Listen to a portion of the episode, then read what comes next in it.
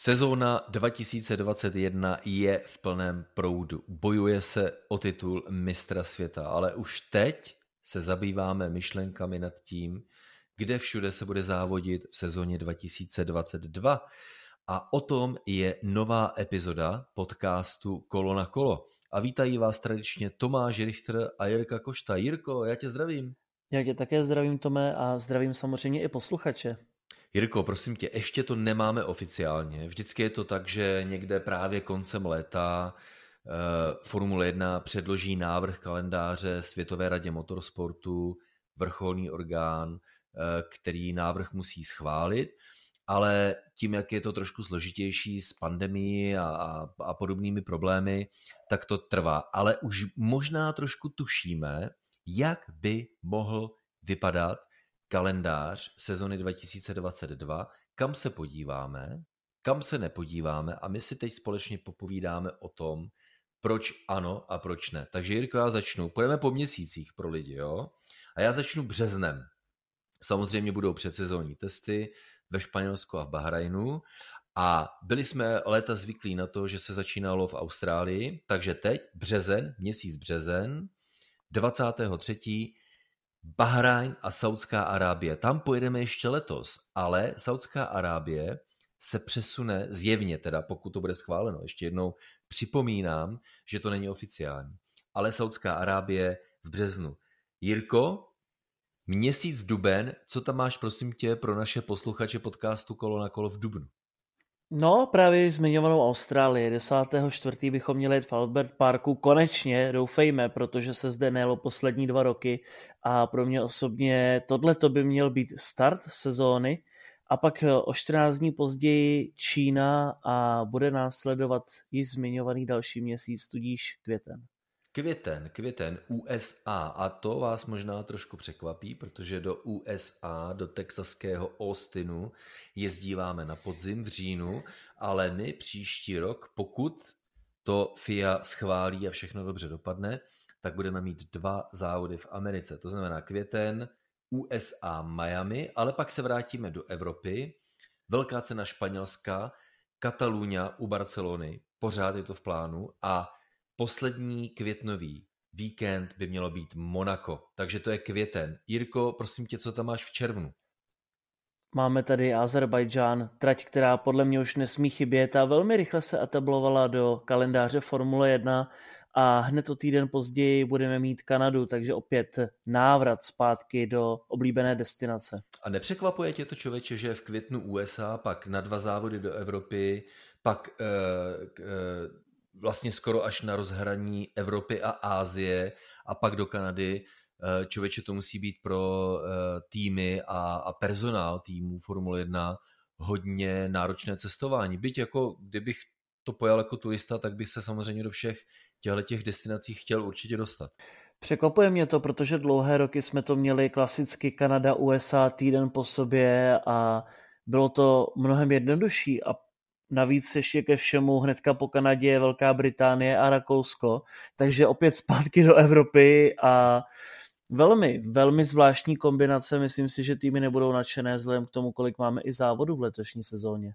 Přesně tak, mě to přijde zajímavé. Ještě jednou, jako květen Miami, pak Evropa, Španělsko, Monako, pak Baku, daleko do Ázie, pak zase na Severní Ameriku, Kanada, přesně jak říkáš, na britské ostrovy. A to už se dostáváme k červenci, čtyři závody v měsíci červenci. Velká Británie Silverstone, Rakousko Red Bull Ring a teď nevíme, jestli se pojede Francie nebo Itálie, protože pořadatelé Formule 1 úplně nejsou spokojeni s infrastrukturou okruhu Paula Ricarda, přeci jenom přístupové cesty, kapacity, dopravní, ubytovací. Není to úplně jako e, procházka růžovou zahradou, takže buď se pořád pojede na okruhu Paula Ricarda, byť tam smlouva trvá, anebo bychom se mohli vrátit do Itálie, do Imoly a na konci července Maďarsko. Jirko, pak přichází tradiční srpnová přestávka, ale stejně na konci srpna samozřejmě jedna velká ikona a to je?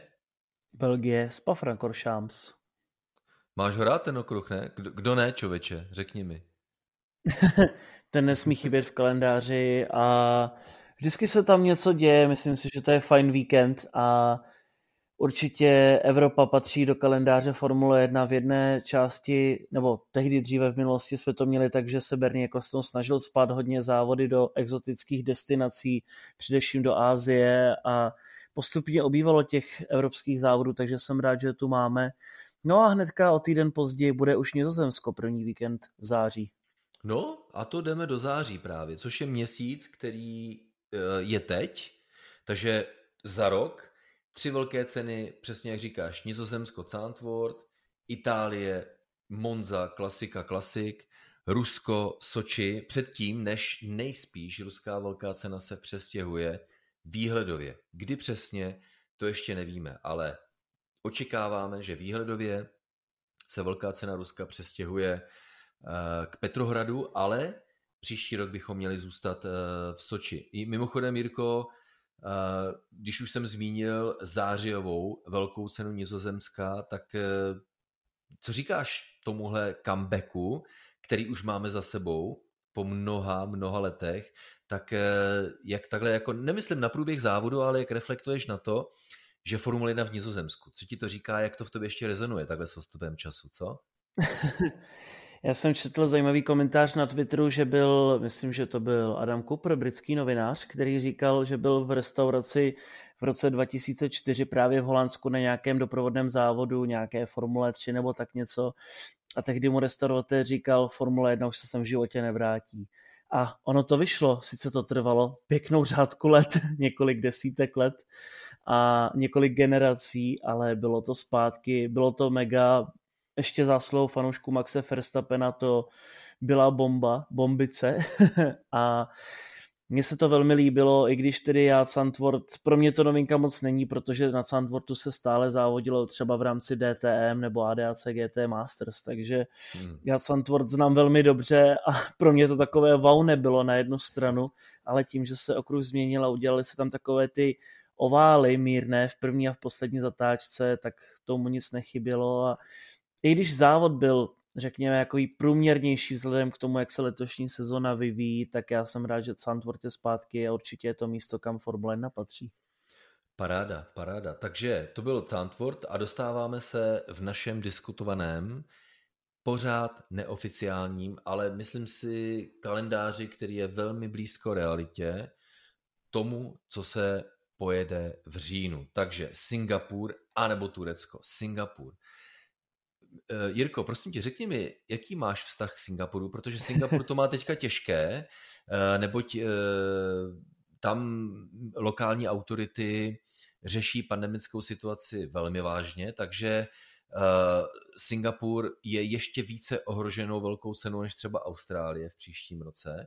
A pokud by to byl jo problém, tak by alternativou byl náš, tedy doufám pro většinu lidí, turecký Istanbul, ale řekni mi, um, Singapur, jaký ty máš vztah k téhle velké ceně, protože je to závod, který je vypsán na uh, délku více než 300 km, podobně jako ostatní velké ceny, takže někdy je to jako dlouhá velká cena, ale někdy se tam dějou zajímavé záležitosti, takže tvůj vztah k Singapuru. Bude ti chybět, bude ti chybět, kdyby nebyl příští rok?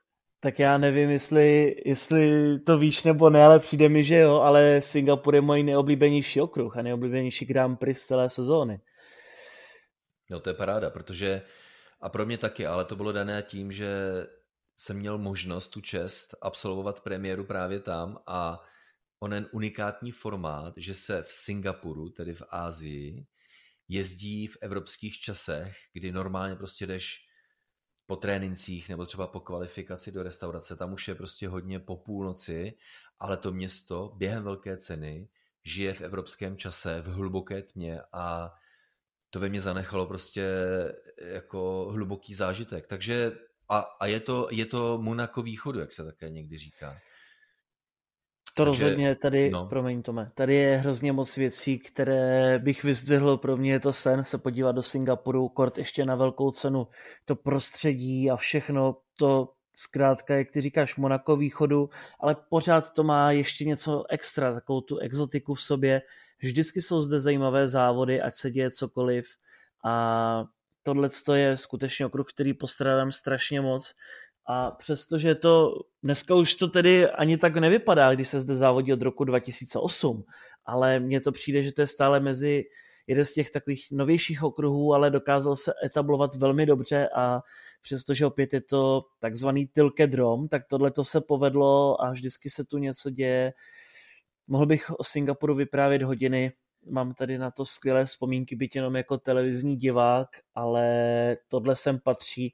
Ne, že bych chtěl Turecko zavrhovat, také okruh, který mě strašně baví a e, ta zatáčka číslo 8, třikrát zlomená, to zkrátka je také rarita od e, Hermana Tilkeho a něco, co bychom měli mít v kalendáři i nadále, ale Singapur je prostě Singapur. No, Jirko, a uh, já říkám už léta, že uh, lidé, kteří touží se třeba podívat do Monaka, tam to bývá trošku dražší, tak uh, neleňte, ano, je to letově jako delší cesta, ale Singapur úžasný zážitek. Takže říkám já pořád, pokud se pojede Singapur, určitě někdy v životě se do Singapuru přijďte podívat. Jirko, až tobě se to povede, tak se těšíme na tvoje zážitky, spojíme to a určitě s toho uděláme další epizodu podcastu Kolo na kolo. Ale je to říjen, takže Singapur nebo Turecko, Japonsko, Suzuka, konečně.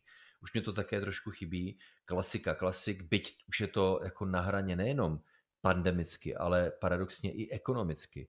Circuit of the Americas, Texas, Austin, ale měli bychom tam příští rok závodit stejně jako v Mexiku.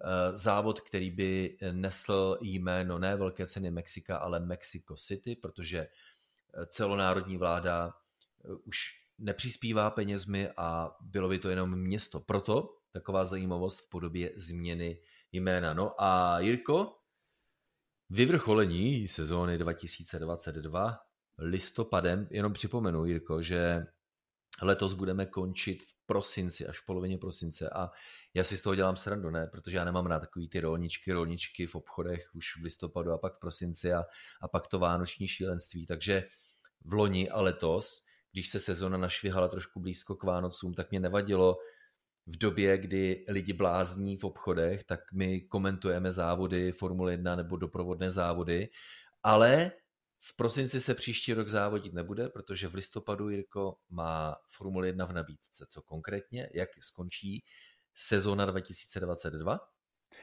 Rád bych řekl, že to skončí Brazílií, ale Brazílie bude před posledním závodem příští sezóny pravděpodobně a velké finále pak bude dnes už tradičně v Abu Dhabi. Takže takhle by měla vypadat sezona 2022. Hodně našvěhané, prošli jsme jeden měsíc za druhým, od března až do listopadu a pevně věřím, že si závody užijete. Dojde nejspíš k nějakým droboulinkým změnám, ale tohle je hodně pevná kostra velkého počtu závodů. Eh, občas s námi eh, slýcháváte Honzu Schneebergera, eh, který se věnuje historii Formule 1 a jestli vám tenhle počet závodů v sezóně přijde normální, tak to nebylo normální. Honzo, prosím tě, pojď nám povyprávět, jak se v minulých letech vyvíjel počet velkých cen v jednotlivých eh, sezonách, protože tohle číslo, které máme letos, loni a příští rok nejspíš, tak je hodně brutální. Příští rok nás může čekat až 23 závodů Formule 1. Pokud by jsme se vrátili zpátky na počátek její historie, vešly by se nám tam celé tři sezóny. V první dekádě se převážně konalo 8 až 10 mistrovských závodů. To vše neznamenalo, eh, že by to bylo z hlediska závodu Formule na vše. V roce 1954 se například konalo 24 podniků z pravidly Formule 1, ovšem v rámci nemistrovských závodů. V roce 1961 to bylo dokonce o ještě jeden závod více.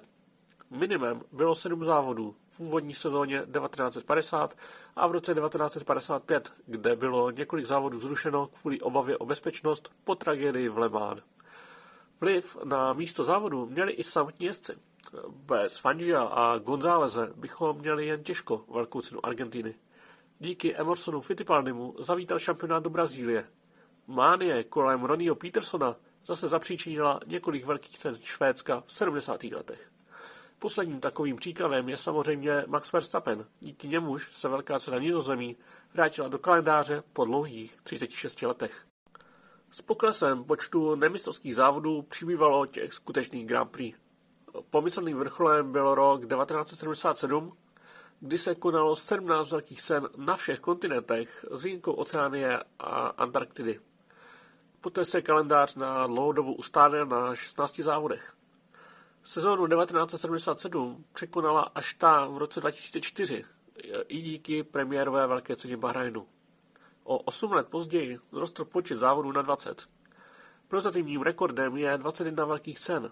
Tento počet závodů jsme měli v letech 2016, 18 a 2019. Je otázkou, jakého maxima se ve Formule 1 v počtu velkých cen ještě dočkáme. Tak to byl Honza Schneeberger. A Jirko, my jsme slíbili, jinak řekni mi prosím tě vůbec tvoje názory na to, jak vypadá skladba sezony 2022. Eh, velký počet závodů, tradiční velké ceny v Evropě, v Americe, v Ázii, Saudská Arábie. Jsou tam klasické okruhy a jsou tam nové okruhy. Pro mě to přijde jako zajímavý mix, ale přeci jenom asi ta nostalgie u některých eh, našich posluchačů podcastu Kolo na kolo je veliká. Jak to máš ty, prosím tě? Teď to bude trošičku monolog, protože k tomu bych měl více připomínek. A v první řadě tedy, že pak, když jsem dobře počítal, tak příští rok máme 23 Grand Prix, hmm. což mně přijde strašně moc. I když miluji Formuli 1, mohl bych se na ní dívat každý víkend, tak na druhou stranu to začíná ztrácet ten punc eh, něčeho výjimečného a něčeho, jak to říct, Formule 1, to je Grand Prix, něco, na co se těšíme a něco, co můžeme vidět jenom exkluzivně. A v případě, jak jsme to měli v uplynulých letech, tak když jsme museli koukat 23krát na koncert jednoho solisty v podobě Mercedesu, tak koukat na to 23krát do roka, to není úplně zábava.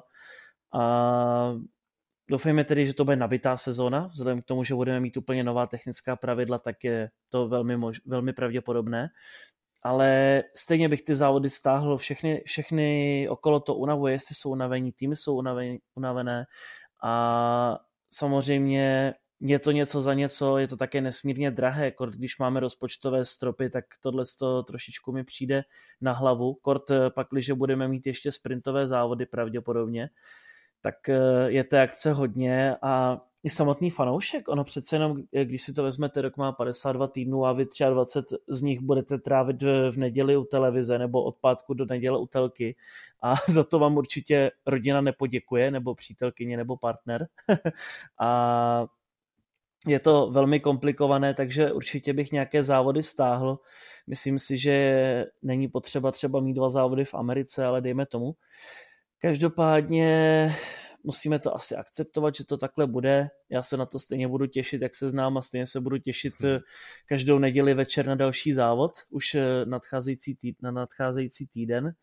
A co se týče té skladby jako takové, tak eh, rozhodně musím zdvihnout, že mi strašně chybí Grand Prix v Německu, protože to je prostě něco, co musí být v kalendáři Formule 1. Vždyť každý ale, šampionát... Ale, ale, ale Jirko, prosím tě, jestli můžu, eh, tak my jsme, my jsme na našich sociálních účtech Twitter a Facebook a podobně, tak jsme vyzvali eh, naše posluchače podcastu Kolo na kolo, že můžou přispět dotazy právě do této epizody podcastu Kolo na kolo o sezóně 2022 a jeden ze zajímavých dotazů, který právě mě zaujal, od konkrétně Jiřího Boháčka, proč už se nejezdí v Německu. Michal Schumacher, veliká éra, Sebastian Vettel, pořád čtyřnásobný mistr světa, pořád závodí ve Formuli 1.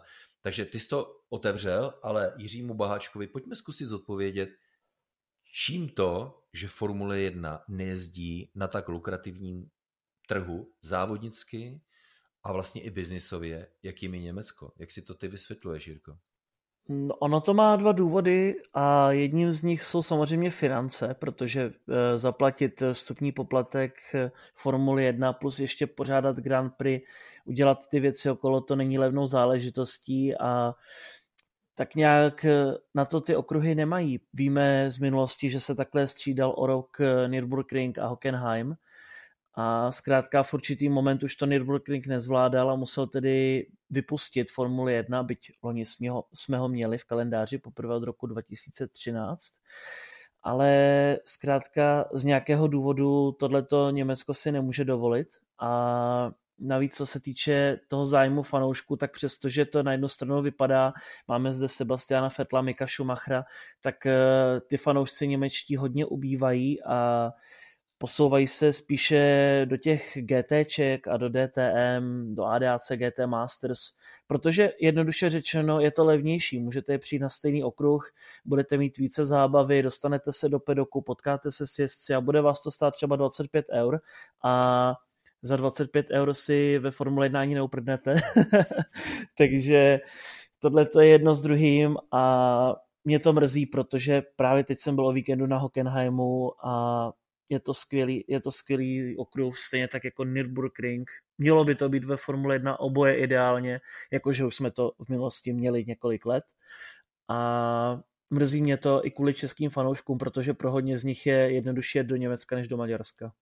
Je to, uh, mě taky, mě taky. Uh, Německo má krásné okruhy. Ne, řekl bych, velké množství takových, uh, které by dokázaly hostit Formuli 1, ale přijde mi, že Německo má na to, aby určitě hostilo uh, závody Formule 1 a to, že se příští rok zjevně nepodíváme ani na Hockenheimring, ani na Nürburgring, nebo nějaké další velké ceny, tak je určitě velká škoda. Když už jsem, Jirko, otevřel uh, dotazy uh, našich posluchačů podcastu Kolo na kolo, tak mě zaujal ještě jeden. Uh, jedna věc je Německo, to je jako taková klasika, že jo, protože Velká Británie, Francie, Německo, tak to jsou, řekl bych, takové klasiky uh, závodění v oblasti motorsportu, Eh, mezi které bychom asi neřadili Vietnam, ale už jsme se skoro chystali do Větnamu. Jirko, já už jsem skoro kupoval letenku a hotel do Větnamu, který měl slavit premiéru před dvěma lety. Za A, kvůli pandemii to nevyšlo, ale už ta pandemie tak nějak jako jí dokáže ten svět malinko řešit, ale o Větnamu teď ani slovo. A na to se ptá Kuba Chovan na mém Twitteru Tom Richter F1 Uh, co se děje kolem Větnamu? Proč se o něm nehovoří? Co tam je za problém, Jirko? Tak tam šlo o to, že zkrátka tam byly nějaké čachry machry mezi Berním Ecclestonem a uh, onými muži, kteří chtěli tento projekt vytvořit, takže tam to byla tak trošku korupce. No a potom, já nevím, jak to přesně dopadlo, myslím si, že někteří z nich byli teďko zavření, nevím, jestli už je propustili, a kromě toho, zkrátka, jak přišla ta pandemie a světová krize jako taková, tak Větnam už si nemůže dovolit hostit Grand Prix Formule 1. No, přesně jak říkáš, je tam, to, to je ještě jakýsi pohrobek Berního Ecclestona, eh, díky kterému máme třeba velkou cenu v azerbajdžánském Baku, kdy jako si prostě hoši plácli eh, za solidní peníze, někdy i eh, v oblasti až třeba 40 milionů dolarů za rok, tak to dopadlo, ale eh, jako Jirko, nejsi smutný z toho, že máme azerbajdžánské Baku v kalendáři, protože to jsou úžasné závody, že jo? Jak se to vezme, protože co se týče nějakých politických dohadů a rovnoprávnosti a takových těch věcí, do kterých já se nechci moc ponořovat, protože v té zemi nežiju, tak z tohle pohledu to zkrátka není úplně příjemné a měly by se tam řešit jiné věci než Grand Prix Formule 1, ale pak, když tohle to pomineme, tak okruh je skvělý, jsou tam skvělé závody a prostředí je nádherné a mě osobně to láká třeba se podívat do Azerbajdžánu jen tak a to je vlastně pointa, proč eh, ty země hostí Grand Prix Formule 1, aby udělali reklamu své zemi. Přesně tak, Formule 1 dostává zajímavé destinace takzvaně na mapu světa. Já se určitě podívám do Maku a do Baku a nemám úplně motivaci se tam podívat během závodu Formule 1, protože to představuje práci, ale chci se tam podívat jako, jako turista. Ale uh, Jirko, uh, máš pravdu eh, v tom, když zmiňuješ, že každá země, podobně jako Baku nebo třeba Čína, která by se měla jet už příští rok zase, tak v souvislosti s každou takovou zemí jsou diskutovány některé problémy, ale kdyby se měla jezdit Formule 1 v České republice, tak tam máš úplně stejný problém. korupce a tyhle ty záležitosti a tak podobně. Takže Jirko, souhlasíš, že do tohle se pouštět nebudeme, jo? Tak. tak, ale další z dotazů. Jiří Lukš eh, se zeptal na Twitteru Tom Richter F1, že eh, padla myšlenka jakési rotace velkých cen, že by se třeba eh, dělo, nebo by, by se vybralo třeba 40 velkých cen, nebo já nevím, 30 velkých cen, a pak by bylo jádro takových, které by se jeli obrok, to znamená v kalendáři jedné sezóny by bylo třeba necelých 20 velkých cen a jezdilo by se obrok mně ta, mě ta myšlenka přijde zajímavá, Jirka si na to vzpomněl, tak Jirka Košta, který tady v podcastu Kolo na kolo se mnou pro vás diskutuje sezonu 2022 a dotazy vás, čtenářů, co ty říkáš tomuhle nápadu? Mně přijde také zajímavé, že trošku usnul, protože je to myšlenka určitě zajímavá. Co myslíš? No já už jsem si na to také teď vzpomněl, protože nejenom, že Nürburgring a Hockenheim se střídali, ale i Fuji a Suzuka se střídali takhle obrok. Ale nikdy to nevyšlo, protože buď nebyly peníze, anebo tu byly nějaké ty politické důvody, nebo prostě ego jednotlivých zástupců a majitelů. Samozřejmě, když už máte kontrakt, tak chcete, aby se u vás Formule 1 jezdila každý rok a ve finále už jste schopni i sehnat na to ty peníze a když vám to jde do kapsy, tak proč byste měli dělat kompromisy a dávat to třeba Fuji, když vy u sebe můžete mít na Suzuce to samé a můžete ty penízky mít pro sebe a tu slávu, tak proč byste to dávali někomu jinému? Za mě osobně je to super nápad, já bych proto byl, protože loni jsme viděli, že to je skvělé, že jsme se vrátili do Turecka nebo na Imolu a nebo na, na Nürburgring ale zkrátka jenom srdcem tohle to se nerozhoduje. No, taky bych do toho šel, protože uh, případy z minulosti dokládají to, že i ten takzvaný business case, to znamená profitabilita, pořádání velkých cen, by i v režimu pořádání závodů Formule 1 obrok fungovala. Takže a, a my bychom, co by fanoušci, se dostali do většího počtu destinací. Takže škoda, možná, možná do budoucna, protože ty kontrakty přeci jenom jsou eh, zase promotéři eh, hledají způsoby, jak zajistit eh, návratnost investic, takže jim jde o kontrakty na větší počet let, ale každý rok za sebou, tak existují kontrakty, které prostě jsou nasmlouvány a přejít na tenhle ten režim u některých velkých cen, třeba obrok, tak je prostě těžké, což je škoda. No, ale uh, Formule 1, když si zase představíme kalendář sezóny 2022, tak je vidět, že eh, má uh, už skoro čtyři základní trhy, takové základní pilíře. Tím je Evropa, kolebka, motorsportu, Velká Británie, Evropa. Pak je to Amerika, kde se Bernímu Ecclestoneovi nepodařilo nikdy ve velkém prosadit ale je to Ázie a také Střední východ, takže tam si budeme muset zvyknout na to, že Formule 1 bude směrovat. Honza Schneeberger byl už s náma dneska v téhle epizodě podcastu Kolo na kolo a já jsem se ho zeptal v minulosti, na jaké zajímavé okruhy Formule 1 zavítala. Formule 1 se za celou svou bohatou dosavadní historii objevila na 74 okruzích v 32 zemích. A to mluvíme pouze o závodech mistrovství světa.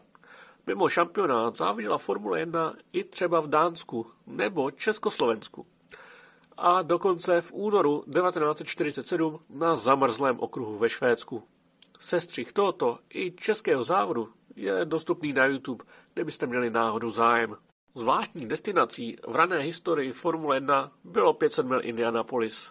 Tento slavný závod spadal do šampionátu dlouhých 10 let, přestože se ho jezdci z Evropy až na výjimku vůbec nezúčastňovali. Stejně tak, jako se američané neúčastnili zbytku závodů Formule 1 v Evropě. Když už je řeč o USA, tak vůbec první závod pod tímto jménem se na floridském Sebringu, místu, na němž se dodnes jezdí slavný vytrvalostní závod. Už o dva roky dříve zamířila Formule 1 na zkoušku do Maroka na okruh Ain Diab – po úspěšné nemistrovské premiéře se zde jel v následujícím roce závěrečný závod sezóny. v němž Mike Hodvorn z Ferrari udolal Sterlinga Mosse a stal se prvním britským mistrem světa. Závod byl inzerován i v následujících letech, ale kvůli politické situaci se zde již nikdy nejelo.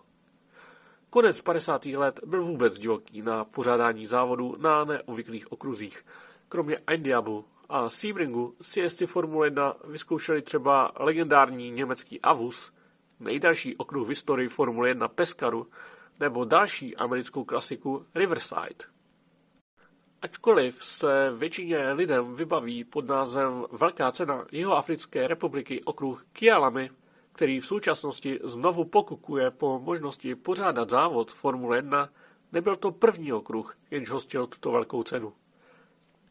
Tím byl East London, na němž Formule 1 závodila v letech 1962 až 1965. V roku 1967 zamířila Formule 1 na okruh Le Mans. Nejednalo se ovšem o legendární Lasár, ale o zkrácenou verzi, na níž se jezdí například MotoGP. Pilotům se trať vůbec nezamlouvala a po jediné podniku se vrátili na mnohem vyzývavější okruhy, jako bylo Rouen a Clermont-Ferrand. Jak jsem již zmínil dříve, zásluhou obliby superšvéda Ronnieho Petersona zavítal kolotoč Formule 1 na okruh Anderstorp. Dodnes funkční okruh je neobvyklý zejména tím, že boxy nejsou na cílové rovince, nýbrž uprostřed trati. V 80. letech pak za Formule 1 závodila na mnoha amerických městských okruzích. Tím nejpopulárnějším byl ale bezesporu Long Beach.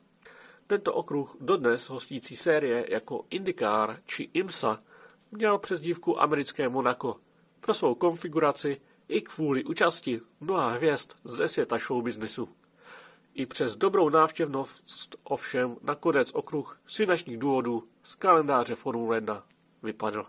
No a tak to byl Honza Schneeberger, který eh, nás provedl zajímavou historií. Zmínil mimochodem i to, že Formule 1, byť v předoficiálním období, zavítala i do Československa a na to jsme samozřejmě hodně hrdí, ale přesto v závěru tohoto podcastu kolo na kolo ohledně sezony 2022 a možná další budoucnosti, Jirko, musíme otevřít ještě jedno poslední téma a to je to, na jaké okruhy nebo do jakých zemí se Formule 1 příští rok, skoro bych použil ten přívlastek trestu hodně, tak do jakých zemí podle tebe, Jirko, podle tvého srdíčka, podle tvé emoce, tak do jakých zemí, na jaké okruhy se Formule 1 trestu hodně příští rok nebo v nejbližších letech nepodívá?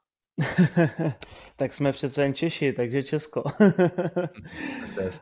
Nebo ale, Slovensko ještě, že? Tak, taky, taky. Slovakia Ring, ale, ale, úžasný počkej, okruh. Ale počkej, jako... Uh, a teď uh, ještě jeden z dotazů uh, našich diváků. Uh, co si to žádá, aby okruh mohl hostit velké ceny Formule 1? Na to je potřeba licence, takzvaná Grade 1, což uh, obnáší nároky na bezpečnost, kapacity tribun, zázemí, infrastrukturu a řadu dalších záležitostí, kterou ošetřuje Mezinárodní sportovní kód, což jsou pravidla Mezinárodní automobilové federace.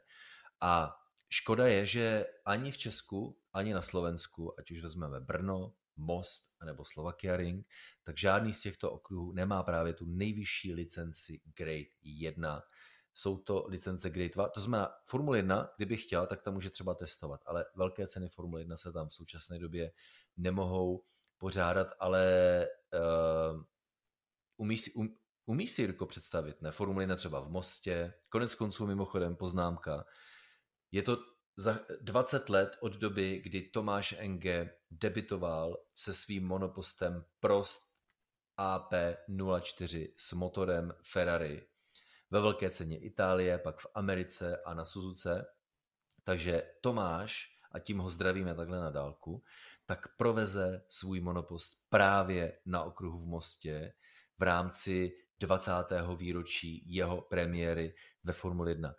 Ale velké ceny Formule 1 na těchto okruzích, Most nebo Brno nebo Slovakia Ring nemůžeme pořádat, ale Jirko, ty závody by tam určitě zafungovaly, co myslíš? Most je super okruh a hlavně to prostředí, atmosféra tam je jedinečná, jenže bohužel vzhledem k tomu, jak máme velké monoposty, tak si myslím, že by se tam vůbec nedalo předjíždět.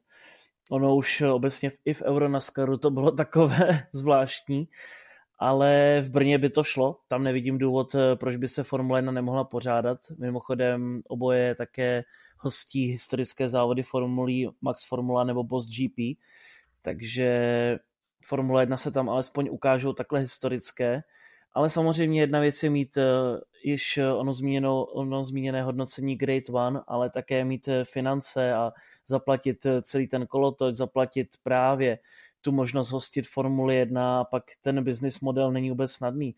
Samozřejmě je něco jiného, když pozvete v Americe miliony lidí, ale v Česku, kde nás je 10 milionů, tak zkrátka to není tak snadné zpátky zafinancovat, ještě vzhledem k tomu, kolik nás sleduje Formule 1.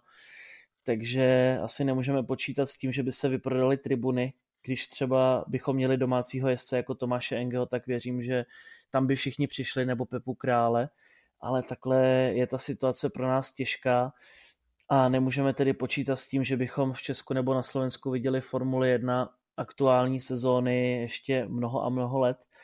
Každopádně ještě zpátky na začátek tohohle toho tématu, jaké okruhy nebo destinace bychom chtěli vidět, tak eh, za mě osobně tedy kromě Česka a Slovenska to Německo zkrátka, protože to, byla takov, to byl takový základní kámen a já jsem si to nedokázal nikdy představit, že by se Formule 1 nejela v Německu.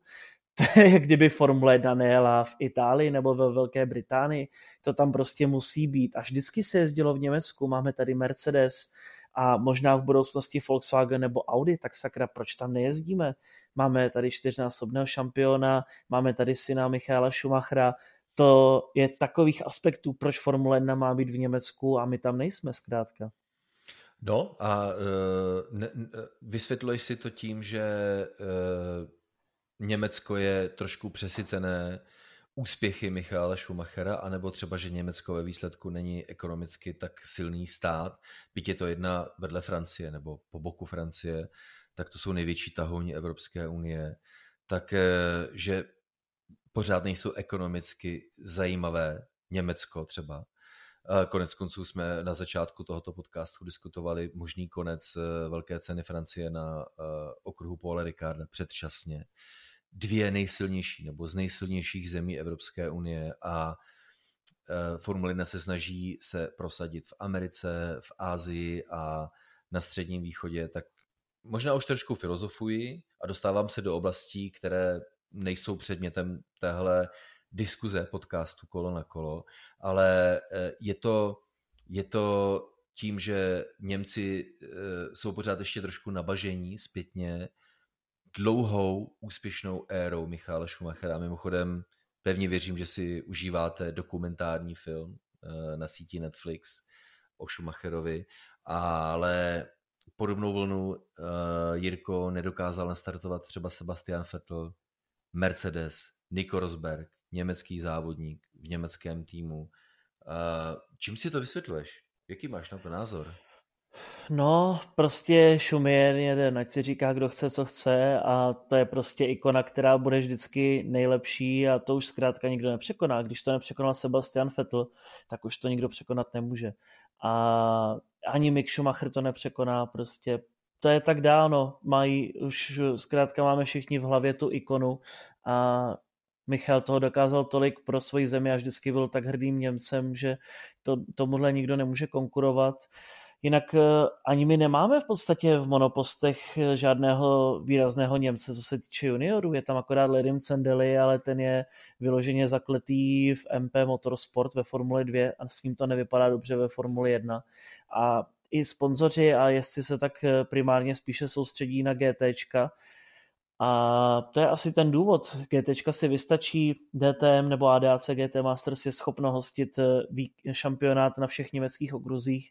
Tak eh, proč by tak nějak potřebovali sponzoři jít do Formule 1, když eh, mají za zlomek ceny velkou reklamu? A to samé jezdci, ty hodně ušetří a asi zkrátka teď musíme chvíli počkat, trošičku se z toho musí všichni tak nějak zotavit, podobně jako třeba uh, Zandvoort a Holandsko a musíme si počkat ještě třeba 10-15 let, než se vrátí Formule 1 pořádně do Německa. No ale ono je to uh, ve výsledku o tom, že uh, fanoušky k Formuli 1 přitahují osobnosti. Vem si éru Michaela Schumachera, pak si vem éru Fernanda Alonza a teď éru Maxe Verstappena. A tam byla velká cena vyprodána v podstatě během několika minut. Takže možná o tom ta Formule 1 je. Ne, nejenom primárně o těch autech, nejenom primárně o těch značkách, ale o těch pilotech. A Jirko, na závěr ještě eh, mám tady přichystaný jeden důležitý dotaz pro tebe, ale i pro sebe. A ten je, kdybys měl možnost vybrat jeden, jeden jediný okruh, teď nemyslím zemi nebo destinaci, ale konkrétní závodní okruh, kdybys měl tu možnost a moc, o který bys rozšířil kalendář sezony 2022, který by to, Jirko, byl, prosím tě? Um, tak stejně jako vždycky musím to trošku rozvést, ale od toho ten podcast je. Tak kdybychom měli říct historické okruhy, tak určitě berlínský Avus, protože vzhledem k tomu, jak máme v dnešní době DRS a jak fungují tyhle ty závody s dlouhými rovinkami, tak Avus by byl pecka. To byla taková čistě nudle, kde se jelo rovně, zatočilo se doleva, jelo se rovně, zatočilo se doleva. Takový v podstatě ovál, můžeme říci, městský okruh na dálnici v Berlíně. A co se týče aktuálních okruhů, tak eh, já bych tam třeba viděl Norris Ring, protože také opět Německo, já jsem počkej, asi... Počkej, počkej Jirko, Formule 1 na Ringu, vážně? Vážně. Formule 3 tam byla vždycky skvělá a vždycky tam byly nejlepší závody form, Evropské Formule 3, takže já bych do toho šel. Sice jedno kolo by bylo asi 25 vteřin, ale viděli jsme loni, že Bahrain ten polooval měl také úspěch, takže já bych to hecnul a šel bych do toho. Člověče, Formule 1 na Ringu, když budeš mít zahřívací kolo, tak uh, se, ti, se ti to celé startovní pole roztáhne do celé délky okruhu. Jako byla by to pecka, ale jako dobrá magořina teda. a o tom to je? tak a já jsem to slíbil, kdybych já měl tu možnost, a teď mi napadá v eh, souvislosti i s 20-letým výročím startu Tomáše Engeho, ve Formuli 1 a i s mými začátky, tak můj úplně první televizní přenos, neříkám mikrofonový, ať už do tohle podcastu kolo na kolo nebo třeba na okruhu v Brně, ale do televize, tak byl závod e, zajímavého nápadu šampionátu A1 Grand Prix, ve kterém startoval také Tomáš Enge a to byla kalifornská Laguna Seca, kde mimochodem se právě před několika hodinami odjel závod amerických formulí IndyCar, kde například Roman Grosjean eh, získal stupně vítězů. Já bych si přál, kdyby Formule 1 měla tu možnost a já měl tu možnost, tak prostě Formule 1 dostanu na okruh Laguna Seca a zajímalo by mě, jak by se monoposty Formule 1, třeba ty, eh, které budou představeny příští rok, chovaly eh, ve slavné vývrtce. Takže Dámy a pánové, tohle byla epizoda podcastu Kolo na kolo. Bavili jsme se o sezóně 2022, jaké nejspíš velmi pravděpodobně bude mít závody eh, v příští sezóně a o tom, jaké okruhy v kalendáři jsou a proč a jaké chybí a proč. A eh, pokud eh, se vám po nějakém bude stýskat, tak nám určitě dejte vědět v komentářích a nebo pokud by se, byste se na nějaké těšili, tak vám samozřejmě přejeme, eh, aby se v kalendáři mistrovství světa někdy v budoucnu objevili. Tohle byl podcast eh, Kolo na kolo Tomáš Richter a Jirka Košta a u dalších zajímavých epizod na zajímavé témata se těšíme zase na slyšenou.